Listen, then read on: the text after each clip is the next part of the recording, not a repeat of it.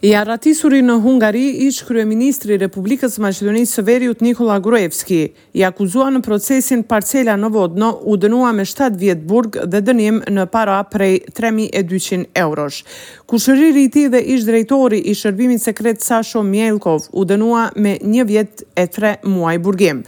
Kumbari i Nikolla Gruevskit, Risto Novaçevski, mori dënim me kusht që në pesë vitet e ardhshme të mos kryejë ndonjë vepër tjetër penale.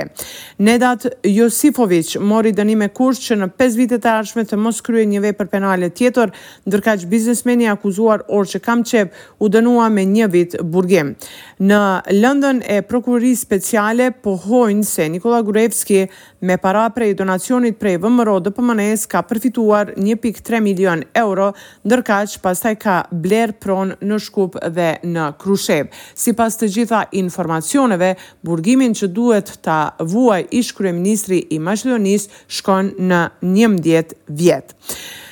Ndërkohë, ndër temat tjera të javës, mbetet çështja e hapur me bullgarët. Për futjen e bullgarëve në Kushtetutë mund të diskutohet, por kjo nuk është garanci në ndonjë qeveri të ardhshme në Sofje, prandaj nuk do të ketë kërkesa të këtilla prej nesh, është shprehur presidenti Pendarovski.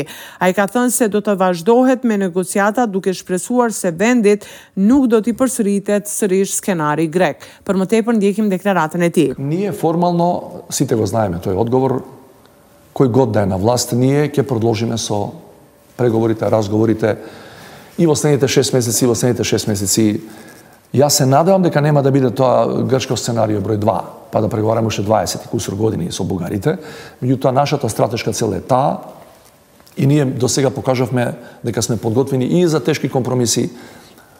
I niz site iskushenja ako treba da pomineme za da staneme členki vo tije dve organizaciji, se razbira ne po cena na gubenje na identitetot. E pikërisht këtë e konfirmoi edhe zëvendësja e presidentit të Bullgarisë, Iliana Jotova, të shtunën gjatë vizitës në Ohër. Ajo ka thënë se nuk do të heqin veton për nisje të negociatave të Maqedonisë me Bashkimin Europian deri në plotësimin e të gjitha kërkesave të tyre. Këtë e ka përsëritur disa herë me radhë. Për më tepër ndjekim prononcimin e saj. Ne i kemi vendosur kushtet për pikat e caktuara në librat në shkolla të mesme, si dhe në hartimin e metodologjisë. Komisioni historik në mes të dyja vendeve duhet të arrijë marrëveshje për këtë dhe pastaj kjo të zbatohet në libra. E dyta, ne dëshirojmë të bëhet hapja e arkivave dhe të ndërpritet ndjekja e personave vetëm sepse janë bullgarë. E treta është dëmtimi i përmendoreve në RMV.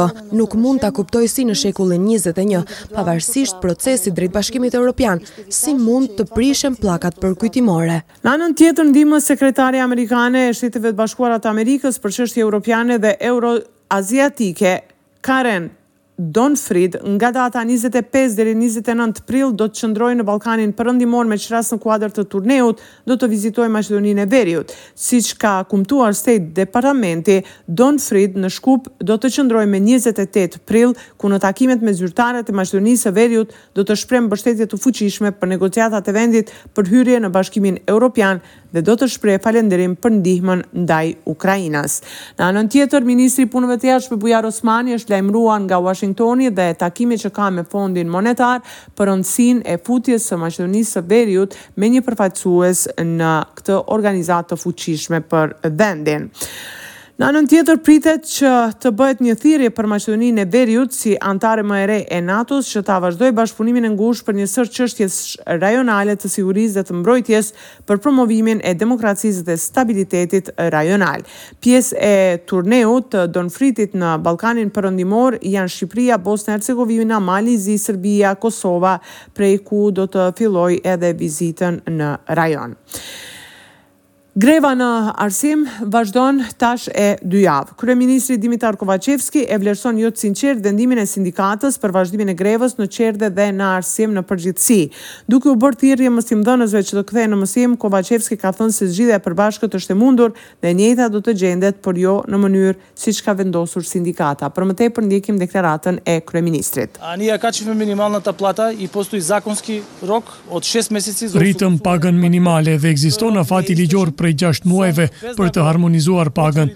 Ky afat nuk ka skaduar. Unioni i nxënësve të shkollave të mesme i bëri thirrje qeverisë dhe sindikatës që urgjentisht të arrijnë marrëveshje dhe nxënësit të kthehen në mësim duke kujtuar se ata tashmë tre vjet janë jashtë procesit normal arsimor duke patur parasysh edhe pandeminë.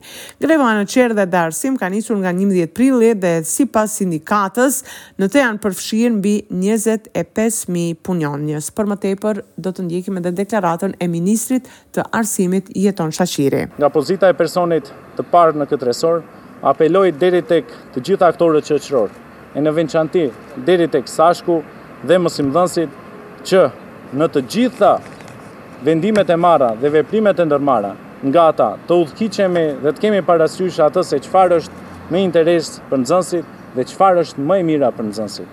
Dhe interesi i tyre më i mirë, është që ata t'i kthehen mësimdhënies. E nga ngjarje të tjera të cilat vlen të theksohen është edhe shënimi i Ditës Ndërkombëtare të Librit dhe të Drejtave Autoriale, ndonëse rrallë është organizuar, kësaj here në Universitetin e Europës Juglindore është bërë një promovim i shumë librave për nxënës dhe studentë, me ç'rast edhe kanë marrë shpërblime studentët më të dalluar të këtij universiteti. Për radion SBS raporton nga Republika e Maqedonisë së Veriut, Besjana Mehmeti.